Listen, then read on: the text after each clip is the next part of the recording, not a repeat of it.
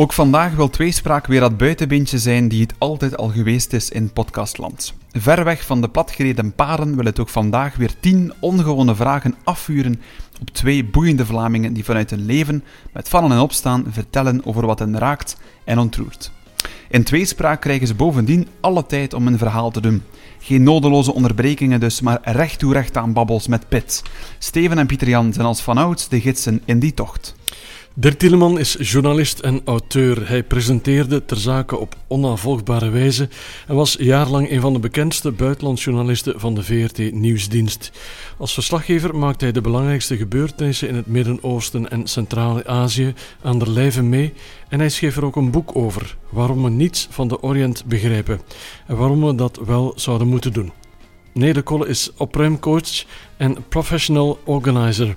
Via haar bekende boeken helpt ze mensen om een huis op orde te krijgen en om nee te zeggen.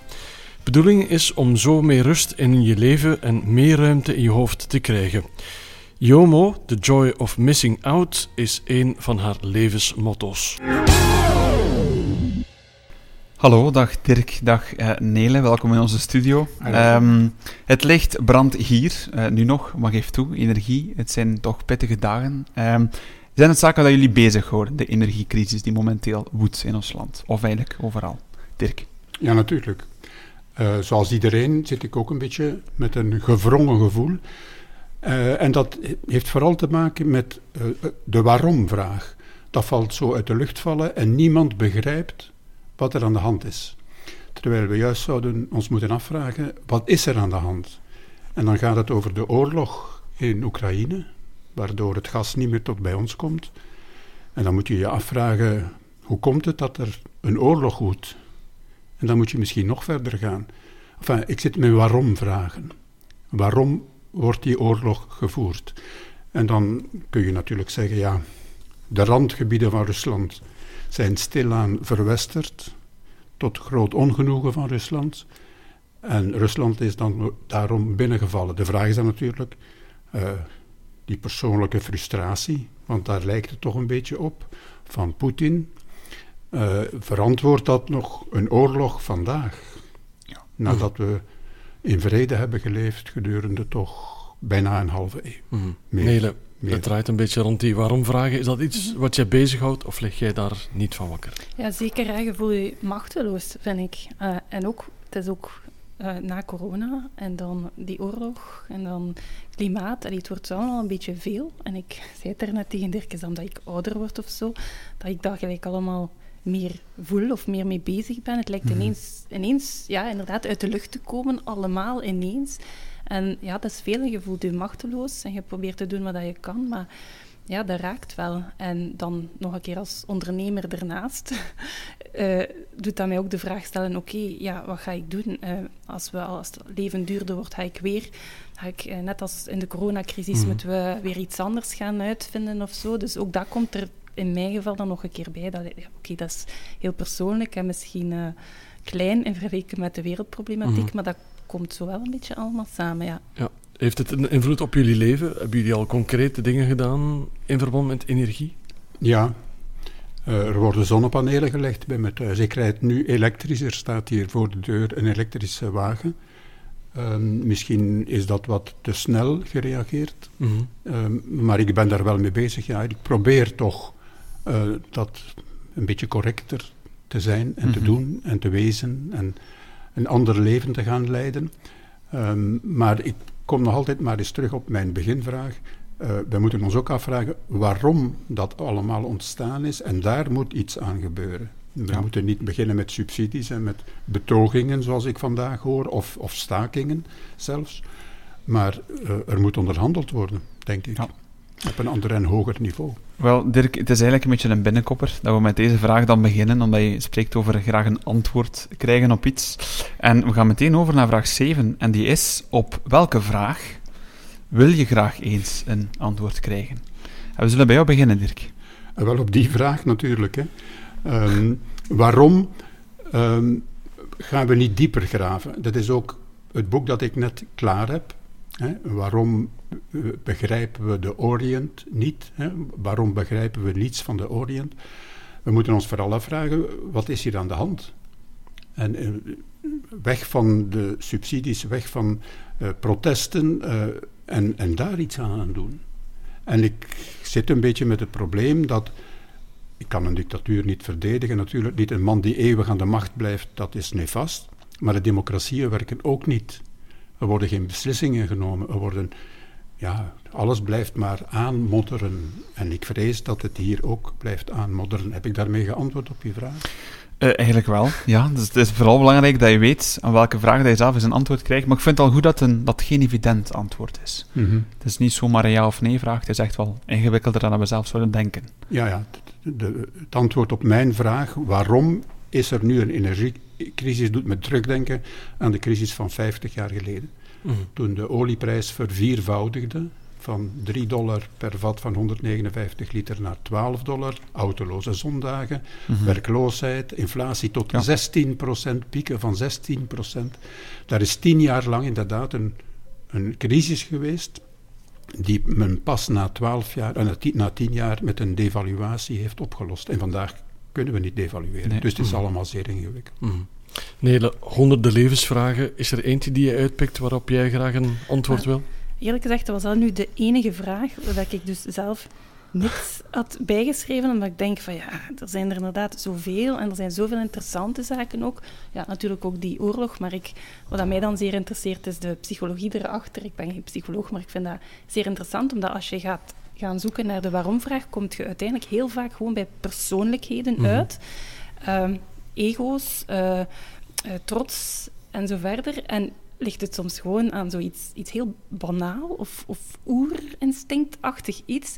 En dat is wat mij dan ook weer interesseert. Waarom, ja, waarom reageren mensen zo? Waarom kunnen ze daar niet voorbij kijken? Waarom kunnen ze niet uitzoomen of hun mm -hmm. eigen gedrag en uh, denkwijze gaan evalueren? Dus dat is iets wat mij enorm interesseert dan. Hè. Mm -hmm. En heb jij een antwoord op die vraag? nee, ik denk dat daar nog veel onderzoek naar is.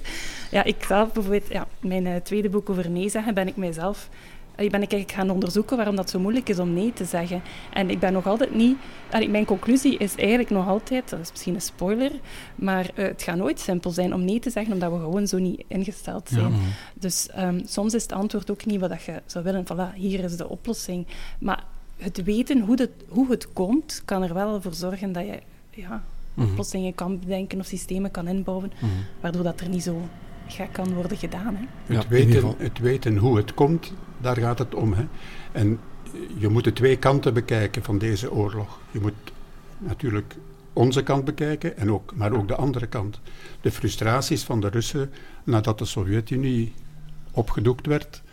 Er zouden in de rand, in de grensgebieden, nooit geen verwesterde landen komen. Mm-hmm. Wit-Rusland is dat inderdaad niet. Oekraïne schuift op.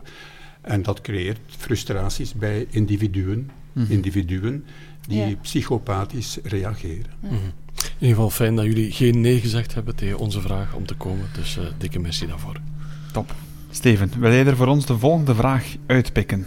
Absoluut. Uh, sommige mensen zijn een beetje bang om zichzelf 100% te laten zien, omdat ze hun eigen zwakheden niet graag tonen aan de wereld. We noemen dat ook wel eens trekjes. Zijn er trekjes die je liever voor jezelf houdt en die je niet graag toont aan de wereld rondom jou, Nele? Ja, um, eigenlijk ben ik vrij materialistisch, ook al zou mijn job dat niet zeggen.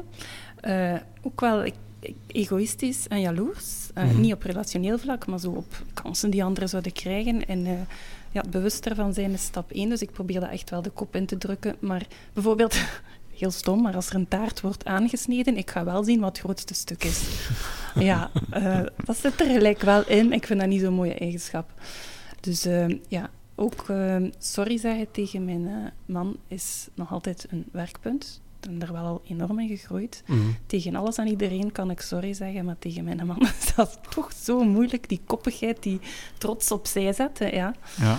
Dus voilà, je weet het nu. Amai. Ja. Want ik denk dan, als ik jouw boek een beetje begrijp, uh, dat jij kiest vaak voor eenvoud. Ja. En nu zeg je net het omgekeerde, materialistisch, dat druist een beetje tegen Wel, elkaar in. Ja, en eigenlijk niet. Uh, ik hou gewoon van, van design, van mooie dingen. Ik heb dat niet, maar ik vind dat mooi, dus uh, geef mij een boekje en ik kies er garandeerd het duurste uit. Maar ik kan er dan ook echt van genieten, maar ik weet nu ook dat ik dat niet allemaal moet hebben en zo. Mm -hmm. Maar ik, geniet, ik kan echt genieten van spullen. Maar ik weet nu ook gewoon één mooi ding en dat is genoeg. Hè. Je hoeft niet en, en, en, en dat geeft veel meer rust. Dus het vult, jawel, het vult elkaar wel aan hoor. Uh, maar het lijkt zo contradictorisch. Ik kan, ja, ik kan echt genieten van gewoon design en ja. Okay. Heel materiële dingen. Dirk, heb jij een bepaald trekje dat niet veel mensen weten? Ja, ik uh, verberg vooral mijn ouder worden. Ik ga mijn leeftijd niet zeggen, maar die is hoog. Ik ben een oude man en ik wil dat niet geweten hebben. Dus wat doe ik, of wat heb ik jaren gedaan?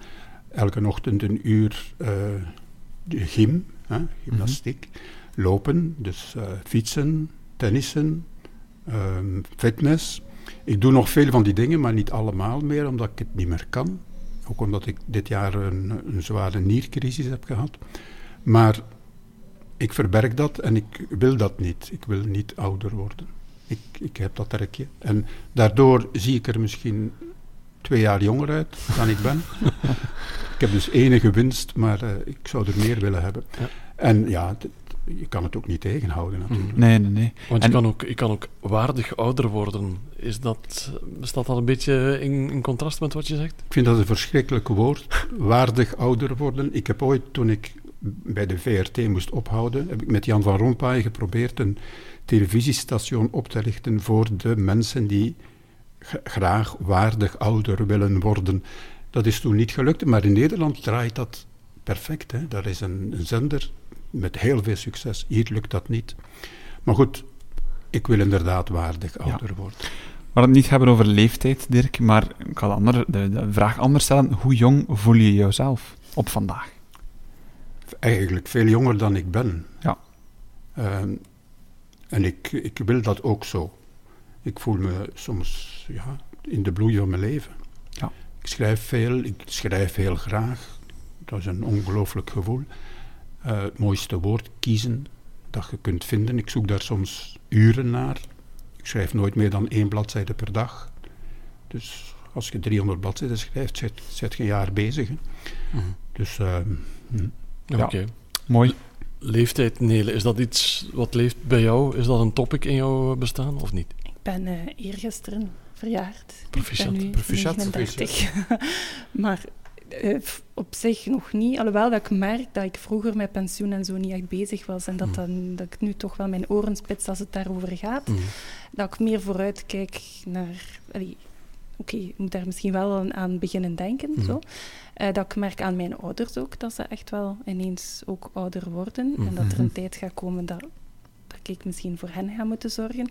Ja, dat, dat komt zo af en toe wel een keer uh, ja, Want je zei net, ik word 39, of ik ben 39 ja. geworden. Ja, dat is het laatste jaar bij de 30. Ja. 40, is dat doemdenken? Nee, dan ga ik een grote vijf geven. Echt. Kijk ik, er al naar uit. en ik kan jou verzekeren, de beste jaren zijn tussen 50 en 60. Voilà. Kijk, zo'n dingen hoor ik graag. Echt waar. Nee, dat heb ik wel nog even staan. Kijk er nu al naar uit. Oké, okay, maar zijn jullie op zich, misschien ook nee, zijn jullie veel met leeftijd bezig? Is dat iets dat je zegt van, sta je er vaak bij stil, dat het toch wel allemaal heel rap gaat? Um, goh, ik heb een man die er altijd maar jonger uitziet. Dat is, dat is mijn nadeel vooral, dat dat lijkt, lijkt alsof ik ouder word en mijn man niet. dus in die zin word ik daar af en toe mee geconfronteerd, dat ik de opmerking krijg van, amai, oeh, hoe oud is die? Uh, maar op zich nog niet echt. Nee. Um, ik kan nog sporten. Ik, kan nog doen, ik voel nog geen grote beperkingen. Nee, nog geen kwaaltjes. Nee, en ik denk dat, dat eens dat dat begint, dat je dat wel meer voelt. Ja. Misschien iets die ook te maken heeft met ouder worden, al dan niet sneller of minder snel, kan bijvoorbeeld stress zijn. We leven ook vaak in stressvolle situaties. We hebben in stressvolle situaties geleefd. Um, heel mooi woord nog altijd, maar hoe onthaast jij, Dirk? Hoe ga je om met stress of hoe ging je om met stress? Mocht je vandaag niet veel stress meer hebben, bijvoorbeeld? Ik ken dat niet. Ik weet niet wat dat is. En ik vind ook dat we daar te veel... Enfin, nu ga ik in jouw kraam waarschijnlijk spreken. Uh, te veel mee bezig zijn. Ik ben nogal graag in China. Uh, ik zou er niet willen wonen, maar ik kom daar, ben daar nogal veel geweest. Daar veranderen de dingen dagelijks bijna. Uh, op een jaar tijd is daar een hele stad uit de grond gerezen. Uh, mensen werken daar twaalf uur per dag. En hier doen we voortdurend alsof het allemaal ons te veel is. En dat we gestrest rondlopen en dat we het niet meer aankunnen. En, enzovoort, enzovoort. Ik, ik weet niet wat stress is. Je, ik denk dat je dat een beetje cultiveert in een samenleving waar veel geconsumeerd wordt, in een consumentensamenleving. Ik denk dat dat een van de ziektes is van onze beschaving. Oké. En Ja. heb jij dan nooit in jouw professioneel bestaan stress gehad? Want jij moest toch leven tegen deadlines. eh, het moest allemaal perfect zijn en dat soort van dingen. Nee, ik kende dat niet. Of ik ken het vandaag nog niet. Ik, eh, ik, en ik probeer dat zo te houden. Eh, en dat is ook de kracht, denk ik, dat je daar geen stress bij voelt. Ook niet in moeilijke omstandigheden. Nou ja, revoluties of zo, waar ik toch wel eens tussen gelopen heb. Of zelfs oorlogen. Maar ik deed die dingen. Ik, ik was een motorrijder. Dat is nu een van de dingen die ik niet meer doe, bijvoorbeeld. Maar ik ben met een motto van met- bij manier van spreken, van mijn achterdeur naar Vladivostok gereden in 80 dagen. Ik heb daar nooit stress bij gehad. Dat was, dat was ongelooflijk plezant. Amai. Ik vind dat wel een heel boeiende visie. Dat je zo echt, eh, ja... Want op zich, nee, we leven toch in een stressvolle maatschappij. Ja, ik heb helaas een andere ervaring achter de rug. Ik dacht ook wel, ik was daar niet echt mee bezig met stress en zo. Ik dacht, ik ben een sterke, onafhankelijke, zelfstandige vrouw. Hè. We doen dat wel. Hè. Werken, studeren, werken, drie kinderen verbouwen, muziekbandje, noem maar op. Ik deed allemaal tot op een dag dat het gewoon niet meer ging. En bij mij was dat dan vooral mentaal. Dat, dat, ik, ik had echt zoiets van, ik noem dat mijn zwart gat. Hè. Eh, dat ik het gewoon niet meer zag zitten. Dat ik dacht, wat doen wij hier? Laat mij gewoon slapen en niet meer wakker Mhm. worden. Terwijl dat ik eigenlijk zo niet ben. Ik, ik, ik heb plezier in het leven en ik wil van dingen genieten. Dus dat was iets heel, heel vreemds, die ervaring. Ik ben natuurlijk niet, ik wou niet bij de pakken blijven zitten. Eh, Ik ben dat ook gaan onderzoeken van, oké, ik wil niet dat mij dat nog een keer overkomt. Of ja, terwijl dat je daarin zit, is dat heel lastig. Maar zo op de iets betere dagen van, oké, wat is er hier aan de hand? Gaan kijken van, goed, hoe komt dat? hè? De, hoe, hoe komt het? En eh, toch wel tot de realisatie gekomen dat er heel veel op ons afkomt. Je hebt de informatie, hè, eh, maar ook de druk die we ook onszelf eh, opleggen. Mhm. Ik spreek dan zeker in, voor jonge mama's die heel veel combineren. Ik zei, niemand zegt dat dat moet, maar ergens heerst de norm van en je moet een goede vrouw, goede vriendin, goede werknemer zijn, goede mama. Goede mama, dat betekent uw kinderen doen sport, cultuur, eten gezond. Jij zelf ook sport, cultuur, gezond eten, sociale dingen. Dus je doet dat allemaal maar, of ik deed dat toch allemaal Mhm. maar, en ervan uitgaan van dat is normaal en eh, dat hoort erbij. Totdat het in ene keer toch niet meer ging en dat Mhm. ineens mijn ogen open gingen en dat ik zag van wat, wat zijn wij eigenlijk allemaal mee bezig. Mhm. Ehm, er is ook wat confronterend, want ik, ik moet eerlijk zeggen dat ik daarvoor zoiets had van hoort mensen uitvallen en je denkt, oké, eh, Jan, is goed, ja, hij is lief en begripvol en zo. Maar ik dacht wel, mij overkomt dat niet. Mhm. Ik ben sterk en eh, ik kan dat, ik zit vol energie en zo. Tot als, je- tot als het u wel overkomt. En dan weet je ook van, nee, het is geen teken van zwakte als u dat overkomt. Maar dat ergens toch, eh, toch een beeld dat in mij zat van, hoe dat is zwak. En, Ja, want het Maar- aantal burn-outs Ja. is gigantisch. Maar je Begrijp je dat? het, Ja, je gaat het juist tegenkomen bij mensen die gedreven zijn. Het zijn die die je moet beschermen, want er, komt, er zijn heel veel kansen, heel veel mogelijkheden. En je moet kiezen. en dat is een moeilijke. Eh, dus mensen doen maar, doen maar, doen maar. En dan loopt je gewoon jezelf voorbij. Ehm, en het is inderdaad, ja, zoals Dirk zegt, eh, onze maatschappij, ja, die biedt maar aan, biedt maar aan. En het lijkt via de sociale media ook nog een keer dat je mee moet doen en dat iedereen het maar doet. Mhm. Ehm, dat klopt natuurlijk niet. Dus we maken onszelf wat wijs en we, we lopen onszelf eigenlijk een burn-out in. Maar het, om er tegenin te gaan is ook niet zo eenvoudig. En ben je die boeken beginnen schrijven als Ja. therapie? Eh, wel, de boek 1, hè, Jomo, The Joy of Missing Out, is gekomen doordat ik inderdaad hè, in een zwart gat ben gevallen en ik ben beginnen opruimen. Ehm, ik was wel altijd redelijk georganiseerd, maar ik hield alles bij. En die spullen kwamen keihard op mij af. Nu, ik zat ook in de verbouwingen, alles zat overal opgestapeld in dozen en zo. Misschien daar mijn voorliefde voor bakjes en zo. Maar het was gewoon veel. En ik ben echt beginnen wegdoen en beginnen kiezen, maar dat is echt keuzes maken. Hè, van oké, ik heb hier... En ik vertel dan vaak over mijn stofjes, mijn naaistofjes. Ik, ik heb ooit naai, naailessen gevolgd. Dus ik had zo van die stofjes liggen. Ehm, ik had ze al negen jaar niet aangeraakt. Maar ja, ik wou dat heel graag doen, maar ja, ik had geen tijd. Hè. Uh, en heb ik toen de keuze gemaakt van, kijk, op dit moment in mijn leven past dat er gewoon niet bij. En wilt je dat later terug opnieuw opnemen? Oké, doe dat dan maar. En ik besefte dat al die spullen onbewust heel veel van mij vroegen. Want elke keer als je die spullen ziet, denk je, ah, ik zou dat een keer moeten doen. Ik zou dat een keer moeten doen. En al die kleine beetjes mm. samen kunnen vragen gewoon energie, onbewust. Energie was ook zo'n woord dat voor mij heel vaag klonk. Nu is dat voor mij echt iets heel tastbaar. Hè? Voilà, zoveel energie heb je. Ik ben geen wonderwoman. Ik kan niet alles. Jammer genoeg. Ik wou nog altijd dat dat kon. Ik loop nog altijd soms tegen de muur. Maar het is echt uh, keuzes maken. Mhm. En zeggen, op dit moment in mijn leven, sorry, kan ik niet uitgebreid koken. Hè? Mhm. We doen gewoon hè, de basics. En uh, wie weet, later doe ik dat mhm. wel weer opnieuw. En hup, de kookboeken zijn van een hele stapel naar een vijftal gegaan. Dus alles ligt gelukkig achter de rug, maar heb jij van die alarmlampjes die afgaan als het toch in de rode zone komt? Ja, maar je kunt er ook niet altijd direct iets aan doen. Ik merk het nieuws bijvoorbeeld lezen, en eigenlijk zou je dat nu beter niet doen, maar ja, kunt u dat ook niet, niet aantrekken. Um, dus zo'n dingen, ik merk dat wel. Um, dat ik zeg, ik moet een beetje minder uh, op mijn gsm zitten en zo verder. Weer meer sporten en zo ik voel het wel veel sneller aan. Maar je kunt niet altijd, zeker mijn gezin, direct op die pauzeknop duwen en zeggen, ah, nu neem ik een dag verlof. Dat gaat niet. Maar dan plan ik er één in. Of ik weet nu, in februari ga ik nog een keer een paar dagen alleen weg. Ik weet, dat komt eraan. dan uh, helemaal alleen. En uh, dat is voor mij iets dat, dat mij energie geeft. Want die oefening heb ik wel gedaan. Hè, van, oké, hoe is dat gekomen? Wat moet ik veranderen? Want ik wil niet dat dat nog een keer gebeurt. En alleen, naar waar gaat de reis dan? Als je alleen geen reis, nee. Gewoon alleen zijn, gelijk waar. Ik heb, mijn zaligste alleentijd was gewoon in Gent. dat is natuurlijk de mooiste stad ter wereld. Maar in Gent, uh, in een loft die ik mocht huren van vrienden. Ja, ik zeg, ik, ja, ik uh, hou nogal van materiële zaken, dus zo een mm. keer in een loft vertoeven. Met heel veel ruimte, gewoon alleen in hartje Gent. Ja, dat was uh, genieten. Mm Met niemand rekening moeten houden, niemand die vraagt er moet eten komen. Nee, gewoon uw tempo. Dat is voor mij eigenlijk, ja. Mm Dirk, jij bent al een tijdje met pensioen, we mogen het zeggen. Uh, is jouw leven op dat vlak ook veranderd?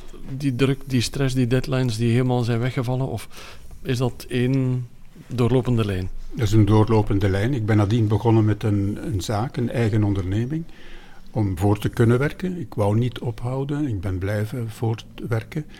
En dat is natuurlijk wat verminderd. Uh, die zaak is ondertussen een, drie jaar geleden opgedoekt, dus mijn onderneming. Mm. Maar ik schrijf dus boeken nu, uh, niet aan de lopende band. Het is mijn tiende boek. Um, en dat, daar vind ik alles in wat ik moet hebben. En dat vind ik het belangrijkste. Hè. Zoek intens in je leven wat je echt wil doen met dat leven. En laat u niet overrompelen door de consumptiesamenleving, door al die dingen die aan u trekken. Maar doe alleen, doe enkel wat je graag wil doen. En ik weet, het is gemakkelijker als man om dat te zeggen dan als vrouw, want ja, die kinderen lopen daar rond enzovoort. Maar toch ook voor de vrouw geldt hetzelfde. Makkelijker gezegd dan gedaan, of mogen we dat niet zo zien? Ik weet niet, jij zit in het onderwijs, uh, heb ik begrepen. Klopt een job die je graag moet doen, anders moet je die niet doen. Ik, dat geldt voor elke job. Mhm. En dat kunnen we zeker, want de echte zware jobs die, die een mens kapot maken, ja, die, die vind je hier niet echt meer. Er zijn er natuurlijk nog, hè, mhm. maar die zijn een beetje geëxporteerd. Dus wij kunnen eigenlijk ook wel kiezen. En dat moeten we doen. Ik doe alleen wat ik graag doe met dat leven van mij dat ik heb gekregen. Maar ook wel een, kanttekening nog, of een aanvulling op geven, want er is inderdaad nu wel een beetje de, uh, dat zeg, de, de, de mode of de hype of de visie van hey, doe wat je graag doet en zo verder. Dat is zeer belangrijk. Uh, maar er zijn natuurlijk ook dingen die moeten gebeuren, maar het is ook oké om gewoon een job te doen. En die zegt van oké, dat betaalt mijn rekeningen en daarnaast die voldoening te zoeken. Maar het is wel waar dat je die voldoening, dat dat heel belangrijk is om ja, wat wil ik met mijn leven bereiken? Er zijn natuurlijk universele waarden die ons allemaal als mens gelukkig maken. Mhm. dat is een betekenis kunnen zijn voor anderen bijvoorbeeld. Mhm. Dus dat, ga, dat merk ik wel. Mensen die mhm. voor lang in een, een, zakelijke sector zitten, dat die toch wel ergens een nood hebben om ook iets meer te gaan doen, dat, dat echt letterlijk meer bijdraagt bij mensen. Hè. Ik vond het heel mooi wat je zei, Dirk. Ben je daar onlangs achter gekomen, achter die wijsheid? Of, of eh, draag je dat al heel lang met je mee? Eigenlijk al heel lang, ja. Ik heb ook onderwijs gedaan, enfin niet onderwijs gestaan, zoals dat heet.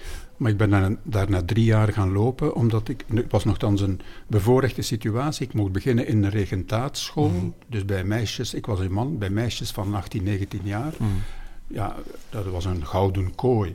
Ik ben daar gaan lopen, omdat ik dat... Dat, dat kon ik mezelf niet inleggen. Dat was, het begon al repetitief te worden na, Mhm. na drie jaar. En eh, ik heb dan gekozen voor twee dingen, diplomatie of journalistiek. Ik mocht dan kiezen. Uiteindelijk heb ik het beste gekozen. Eh, elke dag een, een andere uitdaging, elke dag een andere opdracht. Boeiende dingen meemaken, lange reizen ondernemen enzovoort. Er is trouwens nog plaats voor zij-instromers in het, in het onderwijs, Dirk, als je je geroepen voelt. Terug in het onderwijs, dat zou wel fantastisch zijn. Goed, dan gaan we de volgende vraag eruit pikken. En ik zou het graag met jullie hebben over gelukjes. Oftewel, de kleine gelukjes. Eh, kleine gelukjes die ons vaak ook gewoon intens blij maken. Hoeft niet altijd veel te zijn. Ik zie Nele al glimlachen van ver. Ja, maar dat doet mij denken, ja, dat is een beetje een running joke bij ons thuis. ehm, die opnieuw wel een beetje toont dat ik eigenlijk wel geniet van wat luxe. Maar toen ik ongeveer 17 jaar was, gingen we een keer met een paar vrienden een uitstap maken. En eh, we hadden nog geen auto, of sommigen van ons konden rijden. En eh, dus ik denk dat we met twee of drie waren die de auto van mama of papa hadden geleend. En eh een van mijn vriendinnen, haar mama had een chique cabrio-wagen. en ik mocht meerijden met de cabrio-wagen. En eh, ja, Sam en ik, dus Sam die dan later mijn man werd, eh, zaten achteraan, hè, de, het dak open, haren in de wind en we vertrokken. En ik moet gezegd hebben toen, kijk Sam, dat is genieten van de kleine dingen. Maar ja, voor een, een arme student in zo'n luxe wagen, eigenlijk was dat al geen klein ding meer. Dus nu gaat dat zo nog een beetje rond als eh, running joke. Ehm, dus ja, ik kan echt dus, zoals ik al zei, genieten van gewoon mooie dingen, maar dat hoeft geen design te zijn, maar ook gewoon schoonheid hè, in de natuur.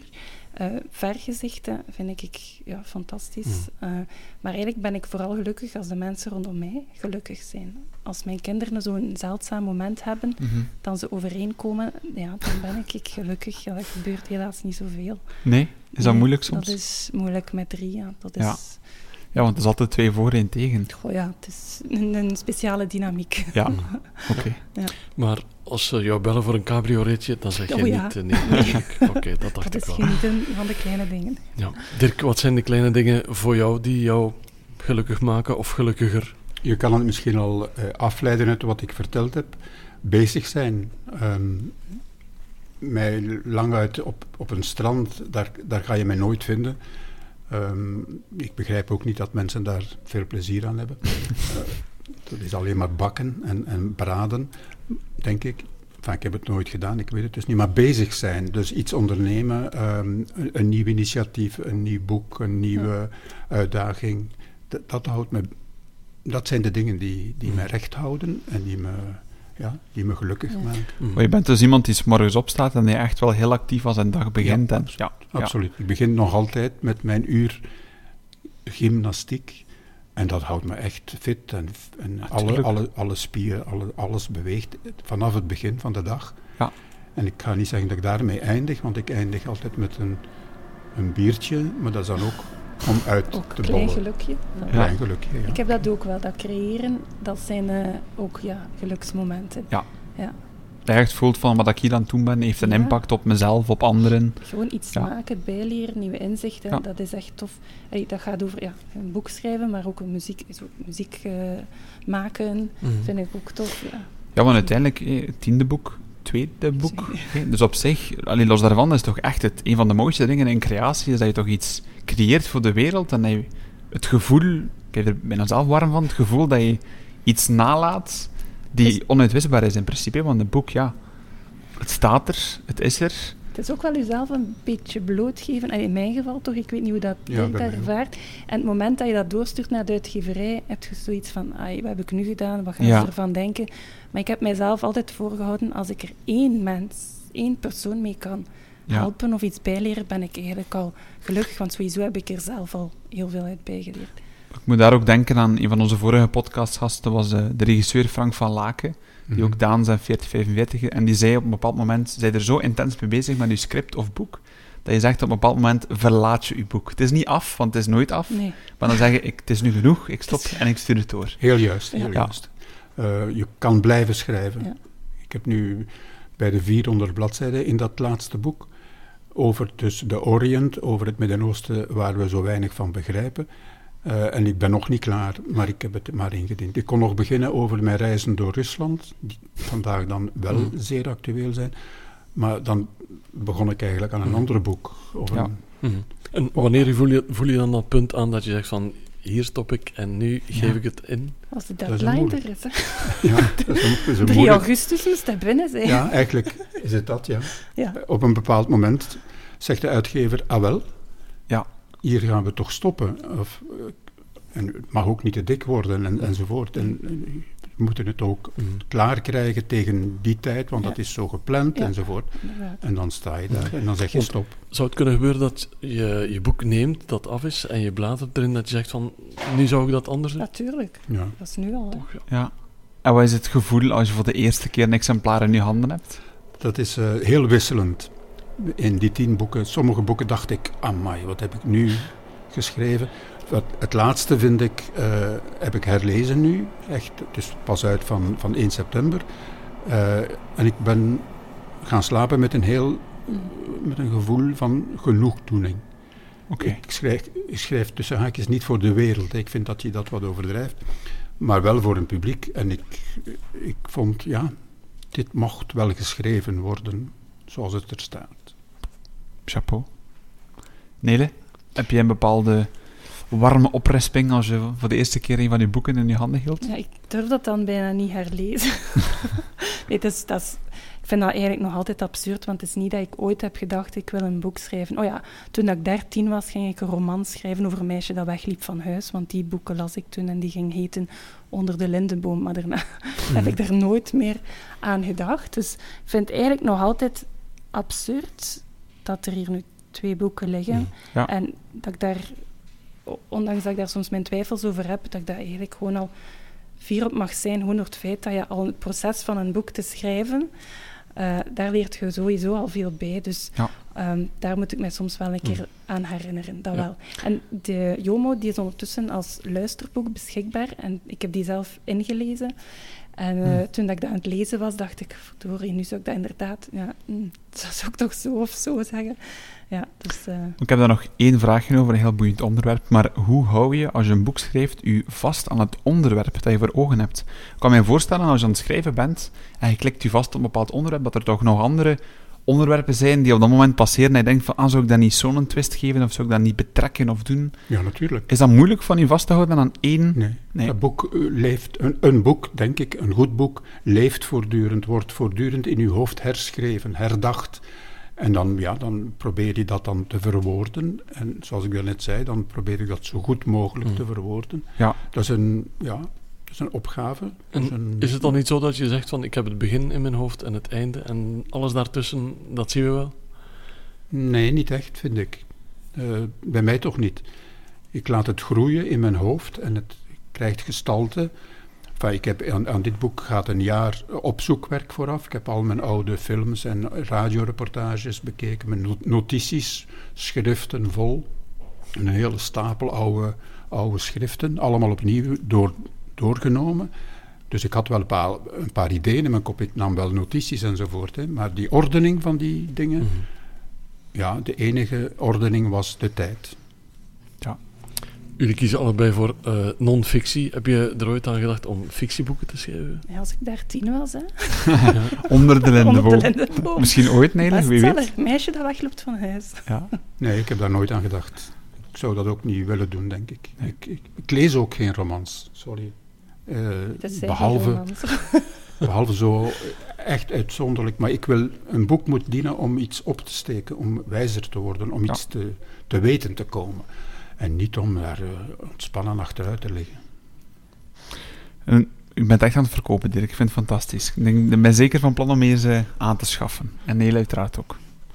We gaan uh, naar mensen die ons inspireren. Uh, jullie komen af en toe wel eens uh, mensen tegen die bekend zijn of beroemd, zeker in jouw job was dat zo, Dirk. Um, zijn er mensen die jou op de weg naar wie je geworden bent hebben geïnspireerd, waarvan je zegt van, ja, dit zijn uithangborden ergens in mijn leven?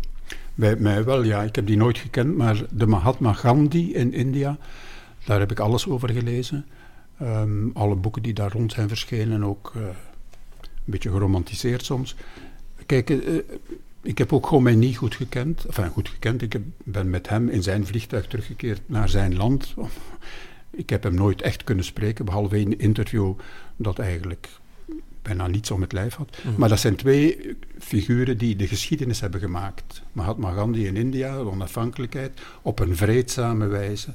Uh, burgerlijke ongehoorzaamheid als, als methode om onafhankelijk te worden.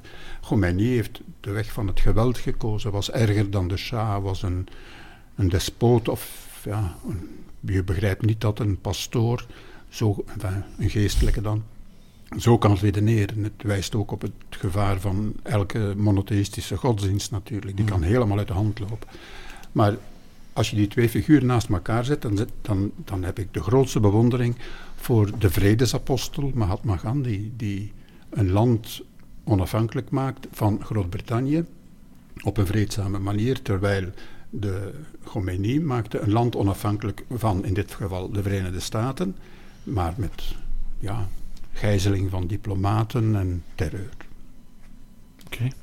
Nele, zijn er mensen in jouw leven die jou blijvend inspireren? Ja, ik kies voor een andere uh, apostel. Het is geen apostel. Uh, ik ben zelf gelovig, dus mijn groot voorbeeld is toch Jezus. Hè. Mhm. Als, uh, en je moet er zelf niet gelovig voor zijn, maar als je kijkt welke voorbeeld dat hij stelde, ja, dan denk ik dat dat wel, dat is eigenlijk mijn mijn grote voorbeeld. Of zo probeer ik ook naar de mensen te kijken, onbevooroordeeld, allemaal even waardig, allemaal even gelijk. Mhm. En ja, ik ben ook zo opgevoed, dus het zit er wel met de paplepel in, maar op een bepaald mhm. moment maak je ook zelf een keuze natuurlijk. Ja, dat is mijn, uh, mijn grote mhm. voorbeeld. En mag dat eens concreet, hoe inspireert hij jou elke dag, Jezus? Ja, door, uh, ja zoals ik zeg, eigenlijk uh, door het zorgt ervoor dat je op een bepaalde manier naar mensen en naar de wereld kijkt. Hè. Van iedereen zelf een Poetin, als we het er nu toch over hebben, er zit daar ergens wel iets, die, die mag er ook, om een, van, om een of andere reden is hij ook waardig om hier te hmm. zijn. Mm. Zijn daden natuurlijk keuren het niet goed, hè, maar als mens, ja, het blijft een mens. Dus um, ook naar mijn klanten toe, ja, ik merk dat ik heel veel liefde heb voor, voor mensen gewoon. En dat mij ook heel veel verhalen rechtstreeks raken. Ik moet mij daar zelf een beetje voor afschermen. Zo. Maar uh, dat is vooral ook ja, hoe dat je omgaat. Hè. Keer je andere wang toe. Als iemand dus laat, keer je andere wang toe. Uh, zevenmaal, zeventigmaal vergeven mhm. en zo. Mm dat zijn allemaal heel letterlijk, maar ik probeer dat echt wel. Dat lukt mij zeker niet. Maar uh, What Would Jesus Do is zo'n bekende slogan. En dat helpt soms wel om, uh, als je niet goed weet, ja, hoe moet ik hier nu goed reageren... Mhm om een keer te denken, ja, wat would Jesus do? Ja. Daarop inpikkend, Joan Osborne, misschien ken je die, is een uh, zangeres in de jaren tachtig. Die heeft een hit gemaakt. En die zei, op een, in dat liedje gaat het over wat zou ik zeggen tegen God of tegen Jezus als ik hem zou ontmoeten. Dat is verder aan. Oh, dat zijn al grote vragen. Wat zou ik vragen? Er is zoveel, hè. Er is, er is gewoon zoveel, ja. Van die kleine dingen, hoe gaat je om met uh, vervelende kinderen of mensen, tot hoe gaat je om met uh, de Poetin bijvoorbeeld? Wat is de oplossing? Wat what, what, would you do? Hè? Mm -hmm. uh, leren. Van toon het voor, hè? Ja. ja. Amai, boeiend. Ik vind dat een hele, ik denk dat dat al de meest, dat we zeggen, grootste persoon is naar inspiratie dat we dat gehad hebben ook in hè, de podcast. We gaan het hebben over ontroering. En dan voornamelijk wat ons diep kan ontroeren. Nee, ik zal bij jou een keer beginnen. Wie of wat is iets die jou diep kan ontroeren? Ja, uh, ik heb een zwak voor mooie stemmen, dus radiostemmen hier, uh, zeer welkom, dat weet ik al. Eh, dus, en er is ook er is één videoclipje waar ik het toch altijd moeilijk mee krijg. Allee, moeilijk, dat mij gewoon letterlijk ontroert. En dat is de zangeres Floriansen, een Nederlandse zangeres van Nightwish. Ondertussen zingt ze daarbij. Dat is zo een stevige metalband met symfonisch orkest en mm. vrouwenstem. Maar die heeft een stem die zo, zo mooi is. En ze heeft een duet uh, met Henk Poort van The Phantom of the Opera, het bekende stukje. En om een of andere reden, nogthans, hè, of dat je dan, ik heb je dat nog al gezien, ook live een keer, maar dat duet is zo mooi. Ik ben niet de enige. En mm. ja, dat ontroert mij. En daar moest ik aan denken toen ik die vraag hoorde. Maar ook, zoals ik al zei, um, vergezichten, zo op een berg. Of uh, we zijn ooit uh, op huwelijksreis naar Canada geweest. En ik weet nog hoe Canada is niet dicht bevolkt. Uh, dus op sommige momenten zit je daar gewoon echt gewoon alleen tussen die gigantische bergen. En weten dat dat nog zich zo ver uitstrekt dat je je zo nietig voelt als mens. Ja, dat, dat doet wel wat met mij. Ja. Ja. Zou dat we vandaag, of nu, dat liedje zouden laten horen, welke emotie zou er dan opkomen? Of ja, dat is nu ook wel eentje dat ook moet zien. van het moment? Ja. Nee, dat moet ook... Nee, dat is altijd zo. Ja. Nee, het is echt een... Uh, goed, dus op YouTube een keer zoeken naar de Phantom of the Opera met Floor Jansen. Ja, en ja, dat is zoiets wat ik... Dat is nu wel heel concreet, hè, waar ik aan moest denken, uh, dat mij kan ontroeren. Ja, en uh, mensen die uh, ja, feel-good movies zijn, ik heb dat tijdens corona en tijdens, als ik daar zo in mijn zwarte gat zat, heb ik mm. dat op een bepaald moment bewust gaan doen. Ben ik naar filmpjes gaan kijken over mensen die goed doen en voor anderen, gewoon onbaatzuchtig. Ja, en dan is dat als er niemand bij is, toch, dan uh, heb ik het toch wel lastig, ja. Mm. En kan je zo een voorbeeld geven van een feel-good movie? Uh, maar geen movie, het is geen film, het zijn echt zo clipjes. ja, het zijn zo mensen die... Of um, John Krasinski, een acteur uit uh, The Office, van de Amerikaanse The Office, mm -hmm. die heeft toen zo... Die heeft een kanaal voor echt good news, good news um, show, eigenlijk. En ja, die had daar een, iets rond gemaakt om echt... Um, ja, echt goed nieuws te verspreiden. Mhm. Want het is zo dat negatief nieuws blijft gewoon langer hangen. Dus om, mhm. om per vijf goed nieuwsberichten... Nee, om één goed bericht, slecht bericht goed te maken, heb je al vijf goede berichten nodig. Dus mhm. je hebt vijf keer meer goede berichten nodig. En uh, er is ook zo'n Amerikaanse... Maar ik weet nu de website niet meer van buiten. Het is ook iets met good news. Journalisten uh, voor BBC die, het, uh, op, ja, die op een bepaald moment thuis ging uh, om voor haar kinderen te zorgen. En uh, ja, zij kwam uit de journalistenwereld en ja, dat was allemaal slecht nieuws, slecht mm. nieuws. En zij, ze, ze, heeft een website opgericht voor goed nieuws. En in het begin werd er heel lacher op, op gereageerd, alsof dat je zo kat uit boom gered, alsof dat, dat zo nieuws zou zijn. Maar het gaat echt over charity en ey, vrijwilligerswerk, van klein tot groot eigenlijk. En in het begin, ja, die website kabbelde wel wat, maar na de aanslagen, in 9-11, is die website echt beginnen boomen. Omdat mensen veel meer gingen gaan zoeken op uh, positief nieuws. Omdat er ook veel meer nood was. En het is trouwens ook zo, zij die schreef van, uh, bijvoorbeeld de criminaliteit uh, is niet per se gestegen, maar de nieuwsberichten erover zijn gestegen. Dus mensen zijn zo op zoek naar goed nieuws. En ja, dat is iets dat ik ook wel weet, dat is iets dat ik soms actief moet gaan doen. om, uh, ja, om al dat negatief nieuws dat op ons afkomt wel een beetje te kanaliseren. Er gebeurt heel mhm. veel goeds ook. En dat kan mij soms zo raken. Ja. Mm. Je hebt al verteld over je kinderen. Soms kommer en kwel, heb ik mhm. begrepen. Maar kinderen kunnen ook wel ontroeren. Heb jij dat soms ook wel? Ja, op die, die zeldzame momenten dat ze uh, echt lief zijn. Of dan ze spontaan dank u wel zeggen. Ja, zo die kleine dingen, ja, dat doe wel iets. Dan denk je, oh, het is, het, mijn opvoeding is toch niet helemaal om zeep. Of nee, zo, ja, die kleine acts of kindness heet dat dan. Ja. Uh, dat kan mij echt raken. Ja, mensen die, die gewoon nog geven om anderen en echt bezig zijn met ja, geluk voor anderen ook. Ja. Oké. Dirk, we gaan de vraag naar jou doorspelen. Wat ontroert jou op jouw leeftijd in die fase van jouw leven nog? Ik zou mij eerst willen aansluiten met wat, uh, wat Nele zegt. Nieuws is nefast. Hè? Het nieuws is nefast. Het is negatief, altijd. Positief nieuws is geen nieuws, werd mij ingelepeld. Dat is geen nieuws. Mensen luisteren niet naar de oogst die goed is binnengehaald. Zoals de Russen, de Sovjets vroeger. Dat werd zo gezegd. Ja. Nieuws is negatief nieuws. Mhm. En wij gingen daar ook naar op zoek. Dus wat mij het meest ontroert zijn mensen die, die mij van mijn cynisme afhelpen. Eh, een vrouw, ik geef u maar een voorbeeld, uh, die ik ontmoet heb in Irak, die gehuwd was met een Iraakse ingenieur, die zeven kinderen had en die vier oorlogen heeft meegemaakt. Toen ik haar terug ontmoette, terug in België, de, de, de, Tweede Wereldoorlog, dan de oorlog Iran-Irak, dan de Golfoorlog om Kuwait en dan de nefaste oorlog van 2003, waarbij Amerika en de bondgenoten mm. Irak hebben vernietigd. Als je dat hoort, en ze heeft dan zeven kinderen, die, waarvan er een paar mee hebben moeten vechten als soldaat.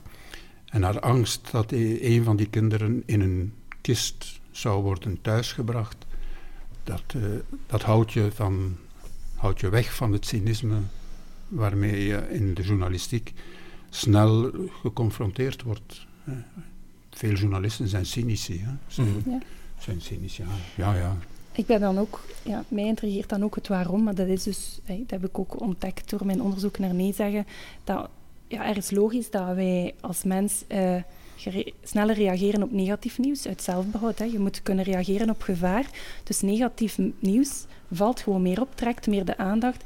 En ik las ergens de vergelijking tussen, stel dat je op een podium staat en je hebt een zee van mensen voor u, die allemaal aan het lachen zijn en ene kijkt er boos, dat gaat u opvallen.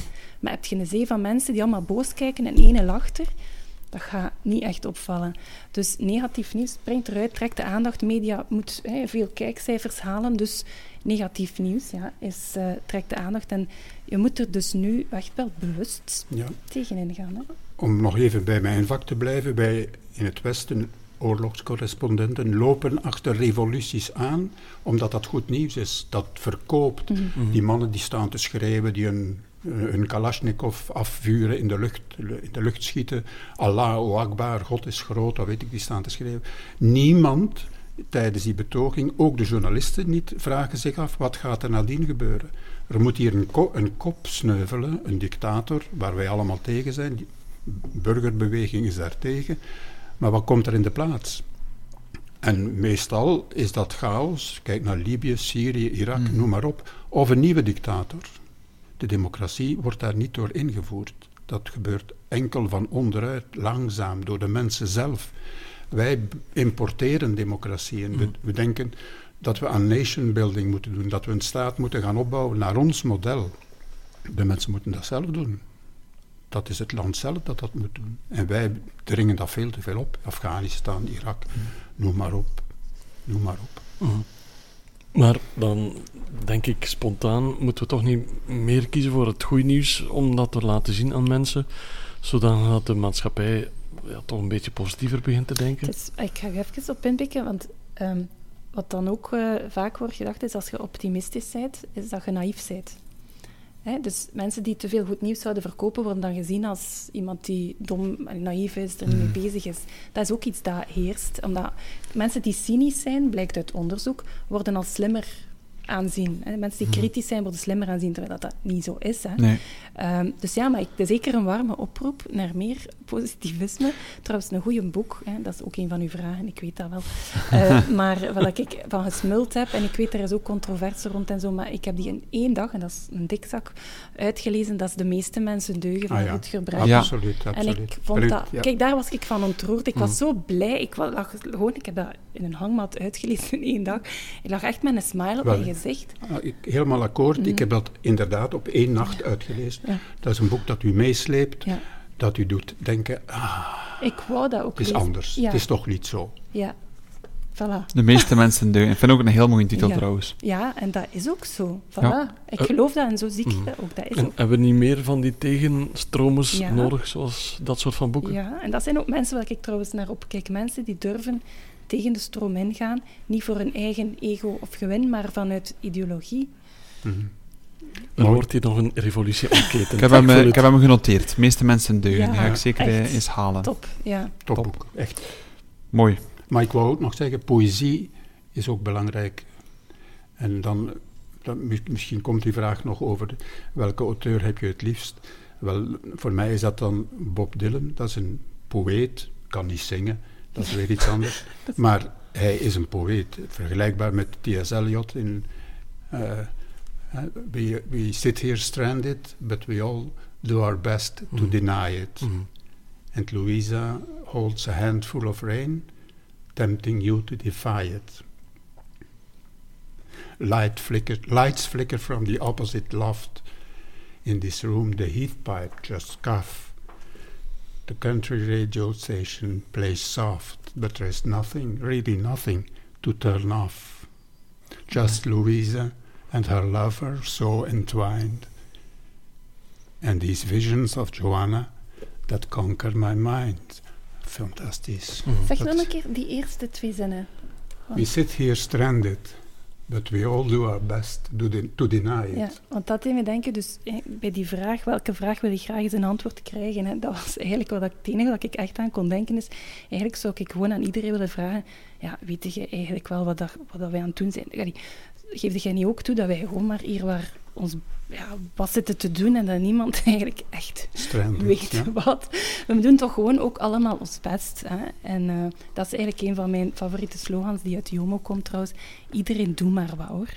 En niemand is beter in proberen dan, dan iemand Mhm. anders. En eh, ja, dat, Louisa holds a handful of rain, tempting you to defy it. Iedereen doet maar wat. Ja. Ja. Maar is het is toch niet zo dat iedereen probeert toch een steentje te verleggen, Ja. zoals jullie dat ook ja, doen, denk en ik? iedereen doet zijn best op zijn manier. En, maar soms zou het... Dat is eigenlijk gekomen omdat ik dacht van ja, de politiek en zo verder. Want ja, als je ouder wordt, beginnen daar zo wel wat meer toch... Ja, je wordt ermee geconfronteerd. Ik dacht dat zo politiekers en zo, dat die het allemaal wel de wijsheid in pacht hadden. En te vergaderen en echt verstandige beslissingen nemen. En dat je dan toch schellen van je ogen vallen als je zo naar het parlement kijkt. Dat die daar zitten te discussiëren als eh, letterlijk slechter als kleuters. Want niet eens luisteren naar elkaar. Dan denkt het toch van, maar ja, eigenlijk niemand... Ja, die, die doen... Iedereen zou daar eigenlijk kunnen zitten. Mhm. Want iedereen doet maar wat. En, en niemand weet het eigenlijk beter, maar de ene kan het wel beter verkopen Beter dan de andere. Ja. Nee, maar Eh, dat is. dat is en dan is het natuurlijk wel, eh, wel onderzoek. Hè. Door onderzoek en zo kun je wel dingen Mhm. te weten komen. Natuurlijk, dat is belangrijk. Gewoon Ja. feiten, hè. dat wel. Hè. Maar ik kan me voorstellen dat iemand jouw boek leest en die naar jou toe komt en zegt van Nele, je hebt ergens toch mijn leven een klein beetje veranderd, dat dat de grootste genoegdoening Ja. kan zijn dat je Dat als auteur kan krijgen. Oh, die berichtjes, ja, dan, dan ben ik echt... ik heb kippenvel krijg ik daarvan, want ik krijg zo wel spontane berichtjes. En ook het feit dat de mensen de moeite nemen om dat te sturen, ja, dat is... En wat gebeurt er als het omgekeerd is? Als er iemand stuurt die bijvoorbeeld jouw boek niet mooi vond, of dat je, die, die vrij kritisch is op, op zo'n zaak? Die sturen dat niet persoonlijk, maar die zetten dat dan bijvoorbeeld op Goodreads of zo. Ja, ja maar dat kan, hè? Ja, en ik, ik, ik zeg dan altijd tegen mezelf, nee, dat is zo. Je, kun- allee, Nee, dat is altijd zo. eh, je kunt niet voor iedereen nee, je goed kunt doen. niet voor iedereen goed doen. En Ja. ik weet ook, zeker tweede... Het eerste is nogal licht geschreven. Het tweede is, ja, dat is wat zwaardere kost. Hmm. Ik heb het wel luchtig proberen verpakken, maar dat is mijn onderzoek en ik vind dat super interessant. En ik heb toen ook al gezegd, ja, ik vind het interessant, maar ik weet dat... Niet ik zou een boek kunnen vullen met zeg nee, wees jezelf en zo peptalk. En daar gaat ook een publiek voor zijn. Maar ik wil dat onder, ik wil weten, Mhm. kunt je dat wel doen? Mag dat wel? Mhm. waar komt dat dat dat toch niet Ja. lukt? En ja, ik weet dat dat voor sommigen... Het is geen boek, deze lezen niet in een avond uit. Mhm. Ja, Zelf ik niet. Dus ja. Nee. En, en die een ander wel. Dus ja. Want Dirk, jouw boek wordt ook gerecenseerd. Ben je daar nog gevoelig voor, voor dat soort van kritiek is? Tuurlijk, tuurlijk. Ik krijg ook reacties. Ik zit op Facebook en Instagram om dat boek ook een beetje aan te praten. Ik krijg daar ook reacties op van, je bent een imperialist, want je verdedigt de dictaturen. Ik, ik heb dat nooit gedaan, maar goed, dat haalt iemand daar dan uit. Omdat je een beetje kritiek hebt op de democratieën die inderdaad niet goed functioneren, omdat ze de dingen blokkeren. Eh, Alles in ons land bijvoorbeeld geraakt geblokkeerd. Niets geraakt nog beslist. En die parlementsleden, die politici, hebben ja, weinig te vertellen. Het zijn de partijen die hier de bos zijn Maar en die bijna op een communistische manier eh, de wet dicteren. Maar ligt dat, niet, ligt dat aan de staatsvorm of ligt dat gewoon aan de individuen weer al? Aan mensen die geen, geen niet-populaire beslissingen durven nemen. Ja, het ligt aan Want je kunt nog een democratie hebben die wel beslissingen neemt, maar die gewoon niet voor iedereen... Ja, dat is nooit hè, voor iedereen goed zijn. Een democratie is een moeilijke bestuursvorm. Dat is gewoon eh, veel moeilijker dan een dictatuur, Ja. uiteraard. En een dictatuur is, is, is, ja, dat wil niemand. Hè. Ja, Van ons hier niet, en ook niet eh, de mensen hier buiten en verderop ook niet. Maar eh, een democratie is een heel delicaat evenwicht zoeken ja. en elkaar proberen te begrijpen en niet direct met, eh, met, de, met de wapens in de lucht zoals in, in dictaturen dreigen. Mhm. We gaan er nog eens een andere vraag eh, tussen gooien. Een heel andere vraag. Van Nele weten we dat ze 39 is. De leeftijd van Dirk houden we hier in het midden. Maar als je jezelf vergelijkt met de persoon die je tien jaar geleden was, Is jouw leven dan grondig veranderd? Ben je zelf als mens helemaal veranderd? Of hoe zie je dat zelf, Dirk? Ja, eh, ik heb het al een beetje, ik heb er al wat naar verwezen. Ehm, ik word niet graag ouder, maar ik moet daar wel eh, mee, ik word daar wel mee geconfronteerd. Ik, uh, ik, ging vroeger alleen op reis naar de moeilijkste landen zonder enig probleem. Dat vind ik nu moeilijker, gevaarlijker. Ik rij ook niet meer met de motto, dat heb ik al verteld. Ehm, maar ik vecht daar wel tegen. Dus ik woon bijvoorbeeld alleen als mensen bij mij komen zeggen die, je hebt niet eens gordijnen, je hebt niet eens luiken, je kan je niet eens opsluiten, afschermen. Iedereen kan bij jou binnenkijken. Ja, oké, dat is zo. Mhm. Dus ik probeer dat wel, uh, maar ik ben wel wat, ik moet dat toegeven, wat angstiger geworden. Ik heb dat nooit gekend. Ik wist, ik wist niet eens wat angst was. Uh, tot van ja, nu ben ik, en ik ga het wel verklappen, 82. Mhm.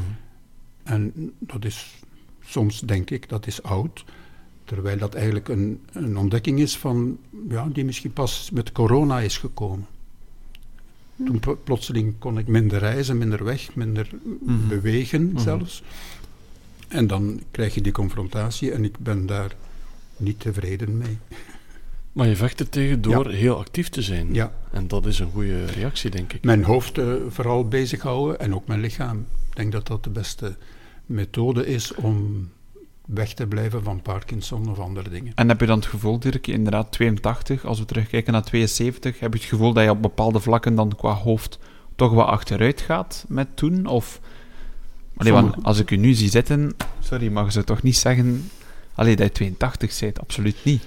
Nee, maar ehm, het enige wat ik, wat ik heb is zijn namen, maar dat is ook al, was ook al zo in die, toen ik 40 was. Mhm. Ja. Maar dat heeft iedereen, schijnt het namen onthouden. Ja, Iemand tegenkomen en zeggen, oh, hoe heet hij nu weer? Ja, ja, ja. Die kent mij. Maar die gaat naar mij toe komen. Oei, ik zie hem al komen en ik weet zijn naam niet meer. Ik, zeker de voornaam niet meer, ja. Mhm. Maar goed, dat is ongeveer het enige. Ja. Als we denken aan mensen op leeftijd, dan durven we ook wel eens de vraag stellen: de dood, denk je daar wel eens aan? Ben je daarmee bezig of, of helemaal nog niet? Ik heb een testament eh, gemaakt, ja, dus wel zeker. Hè. Ik, ik vind dat ik dat moest doen voor mijn nalatenschap, voor degenen die achter mij komen, voor mijn kinderen. Ehm, maar meer ben ik daar niet mee bezig. Ik denk dat ik ben er wel veel mee bezig. Altijd al eigenlijk. Ik stel mezelf eigenlijk elke dag de vraag: ben ik blij hoe dat ik nu, hè, hoe dat loopt? En als ik niet blij ben, ja, dan moet ik iets veranderen. Niet blij, dat klinkt zo. Hè, maar als ik vind, oei, er zit iets scheef, de verhoudingen zitten niet goed, dan moet ik het veranderen. Hè. Niet, niet de volgende dag per se, maar stappen ondernemen. Ik probeer echt elke dag te denken. Ik zeg dat ook, zeg vaak tegen Sam, van hè, als, als we zo een kleine discussie of, of een vervelend iets hebben van kijk, als ik dood ben, ga je dat nog missen. Hè? Ik denk daar eigenlijk, ja, en ik heb eigenlijk al altijd gehad van toch proberen leven alsof dat ook morgen gedaan kan zijn. Eh, niet impulsief, dat ben ik niet, ga ik nooit zijn. Hè? Ook wel vooruitdenken en plannen, want dat ben ik ook natuurlijk. Maar ehm, ja, ik, ik sta er denk ik meer bij stil dan Dirk. Ja. Want een bekende Nederlander zei ooit: leef alsof het je laatste dag is. Is dat iets wat jij als motto meedraagt? Niet in de zin van: hup, doe maar op en uh, doe maar. Uh, zeer op, opportunistisch leven, daar ben ik helemaal niet voor. Dus ik bedoel dan meer van. Ja, er toch proberen zijn voor anderen, maar natuurlijk ook denken aan jezelf, hè, want mm, anders is die verhouding weer mm. zoek. Um, maar wel echt, ja, eigenlijk die vraag van, um, ja, nee, als ik mij druk maak om iets, stel ik mezelf de vraag van, nee, dan ga je daar dood van. Hè? Nee, oké, chill, hè, relax. En ook van, ja, ben ik blij hoe dat ik nu, waar dat ik mee bezig ben, waar ik mijn tijd mee vul, heb ik genoeg aandacht voor. Uh, ja, en ik zeg, je kunt dat niet allemaal in één dag proppen en op één dag mhm. veranderen, maar dat is wel iets ja, dat ik bewust beleef het leven. Of probeer dat toch. Leven in het nu-moment, zoals we dat dan zo mooi zeggen. Ja. ja, dat is wat dat blijkbaar uit onderzoek, hè, ik verzin dat niet, blijkt dat ons echt gelukkig maakt. Dus als je te veel met het verleden bezig bent, dan brengt je eigenlijk niet vooruit. Allee, een keer de herinneringen ophalen, dat is leuk, mhm. maar dat gaat je niet gelukkiger maken. En ook te veel zorgen maken over de toekomst ook niet. Dus echt genieten van wat ben ik nu? Van hier bijvoorbeeld, hè, van de podcast, naast Dirk. voilà, ja. Fantastisch. Dat proberen bewust te beleven, maar dat is niet zo evident als de drukte van de dag het overneemt. Ja. Als we bij jou, Nele, eens tien jaar terugspoelen. Ah ja, 20 kilo dikker. Is echt? ja. Oké. Eh, dus dat wel. Ehm, en ik denk ook wel een pak... eh, ja, ik vind dat, maar ik weet niet of mijn om- omgeving dat vindt, toch een beetje zachter voor mijzelf en voor anderen. Nu of toen? ja, nu. Nu, ja. Eh, hoe meer dat je zelf meemaakt, Mhm. Ehm, ja, dat is de levenswijsheid zeker. Hoe meer dat je zelf ook je, kunt inleven in Mhm. anderen. Ik heb dat altijd wel proberen doen, maar Mhm. ja, hoe meer dat je zelf uit je eigen ervaring kunt meedragen. Hoe meer begrip dat je toch echt kunt hebben. En Ja. Zoals zelf een keer in een zwart gat zitten, ook al was ik daarvoor echt, wou ik iedereen ook wel helpen die het moeilijk had, als je er zelf een keer in zit, weet je van, verdorie, het kan echt van de een op de andere dag iedereen overkomen. Mhm. En op dat moment hulp vragen is niet evident. Dus ga er naartoe en doe het gewoon. Mhm. Ja, want je hoort wel eens mensen zeggen, hoe ouder je wordt, hoe meer je kan relativeren. Daar komt het wel een beetje ja, op neer. Ja, dat is ook zo. Ja. Want eh, ja, dat, dat ik ook meer weet van, kijk, ja, dat zijn mijn beperkingen. Hè, Mhm. Want vroeger dacht ik dat ik alles moest kunnen. Dat is niet zo. Mensen zien het thuis niet, maar Dirk zit ootmoedig mee te knikken. hè. Relativeren, ja. Daarom heb ik daarnet gezegd, op tussen 50 en 60, dan Nog komen, meer, dan yes. komen uw, uw beste jaren, omdat je dan de zaken veel meer relativeert. Eh, je weet wat je bent, je weet wie je bent, wat je kan, wat je niet kan, waar je niet moet aan beginnen, waar je misschien Mhm. nog wel mag, gaan- mag aan beginnen. Mhm. De- dat is zo, enfin, vroeger was dat de leeftijd waarop men stierf. Nu is dat zo een beetje de draaischijf, denk Mhm. ik, waar, Ja. waar dat je kunt nog een hele andere wending nemen in je leven. En wat ik ook de meeste mensen aanprijs, want dat, het hele leven lang hetzelfde blijven doen. Nee. Ik ben van het onderwijs naar de radio gestapt en van de radio naar tv. Dat is een ander beroep, dat is een ander vak. En dan met een eigen bedrijf begonnen, dus ik heb er wel wat variatie in gestoken. En over de dood, ja, ik, ik, ben, ik heb wel eens een serieus motorongeval gehad, waar ik in de coma op de macadam lag van de autoweg, de beton lag. En ik, eh, ja, toen heb ik wel eh, zo een knak gekregen van, zou je wel zo doorgaan? Mhm. Te- ga je, ga je, zit je niet te hard bezig? Ben je niet te veel jezelf aan het voorbijhollen? Mhm. Maar dat was ongeveer rond die leeftijd. En ik- dat heb ik denk ik vrij behoorlijk kunnen opvangen door op een misschien wel rustiger manier, ik weet dat niet goed, Mhm. maar op een meer eh, respectvolle manier ook wel, Mhm.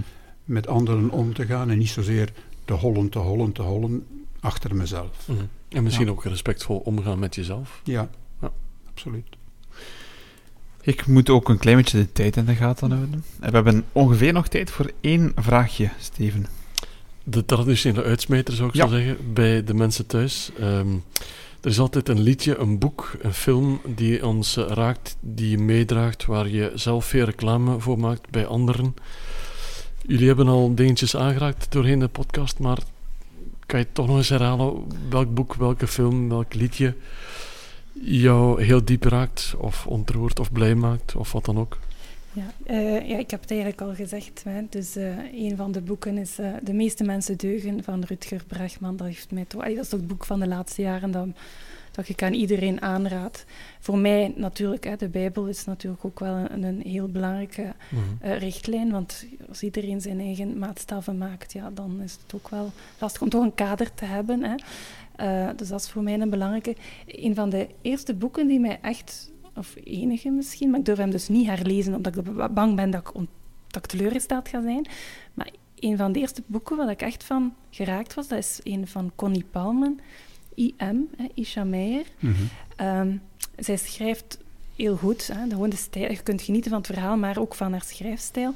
En eh, dat was, zij, schrijft, zij schreef op een bepaald moment hoe dat ze zich voelde als ze hem zag. En ik dacht, amai, dat is iemand die ook zo intens voelt, gelijk ik. Mhm. het is een beetje... Zij schrijft dat ze in haar broek piste hè, van emotie als ze hem zag. Dat heb ik nog niet gedaan. Mhm. Maar toen dacht ik van, "Oeh, er zijn nog mensen die zo intense dingen beleven en dat onder woorden kunnen brengen. Ja, ik vond dat de max. Maar ik heb hem dus gekocht. Ik koop niet veel boeken. Mhm.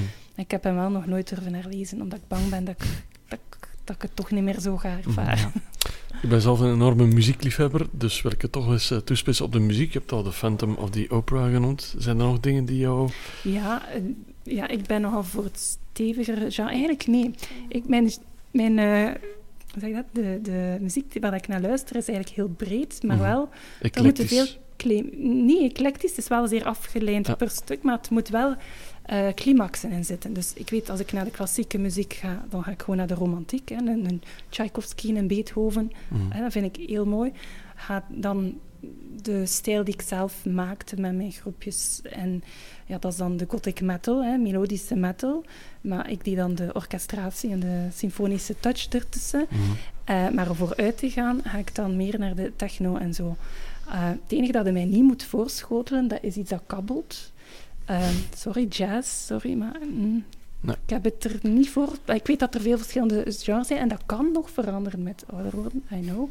En funk en disco, daar word ik onnozel van en dan heb ik zin om mijn borden te smijten. dat is zo net niet zo. Dus het Ja. moet gewoon met climaxen zijn, maar eigenlijk gaat het heel Mhm. heel breed. Ik heb Hm. dit jaar Tomorrowland mogen meemaken. Dat was de beste dag van mijn eh, zomer. Mhm. Maar je gaat mij ook wel een keer op Graspop vinden. Dus, Ja. ja.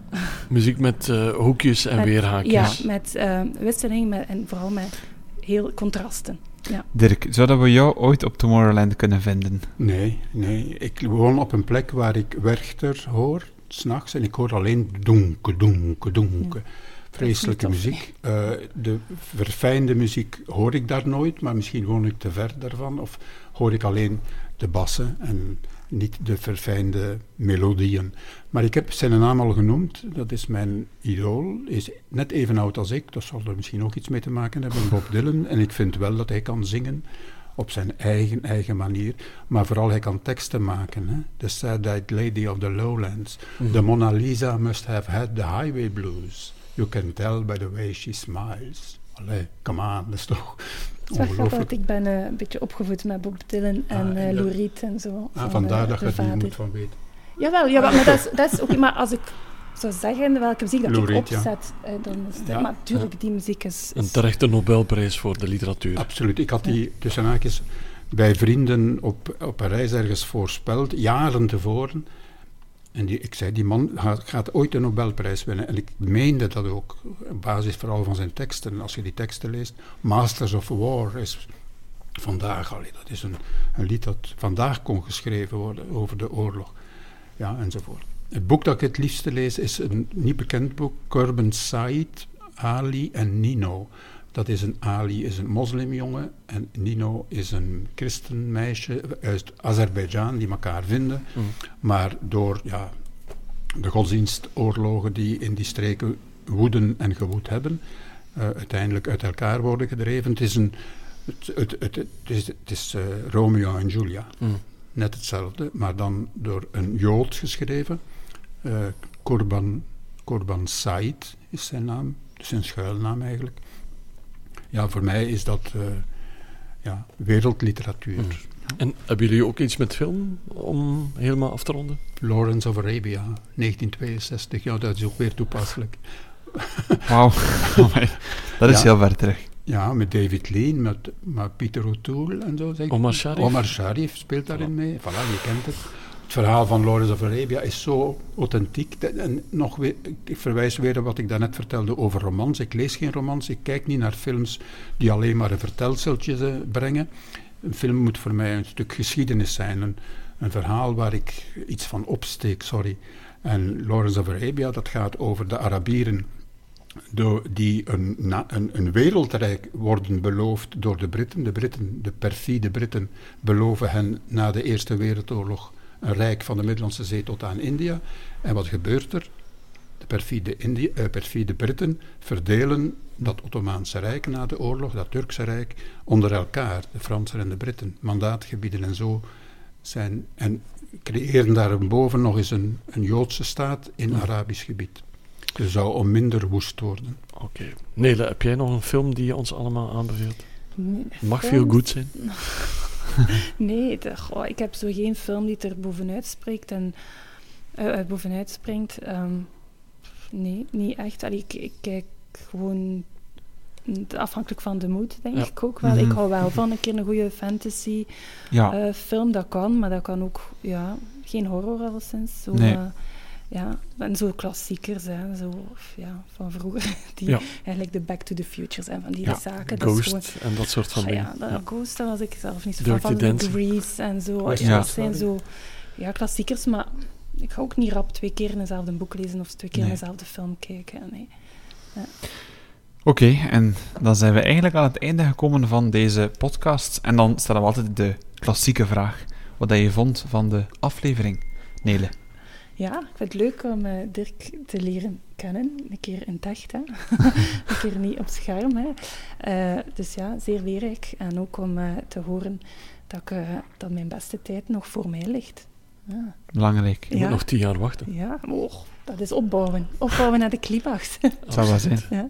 Dirk, hoe heb jij deze podcast ervaren? Wel, dat ik dringend eens een paar boekjes moet lezen over eh, The Joy of Missing Out, bijvoorbeeld.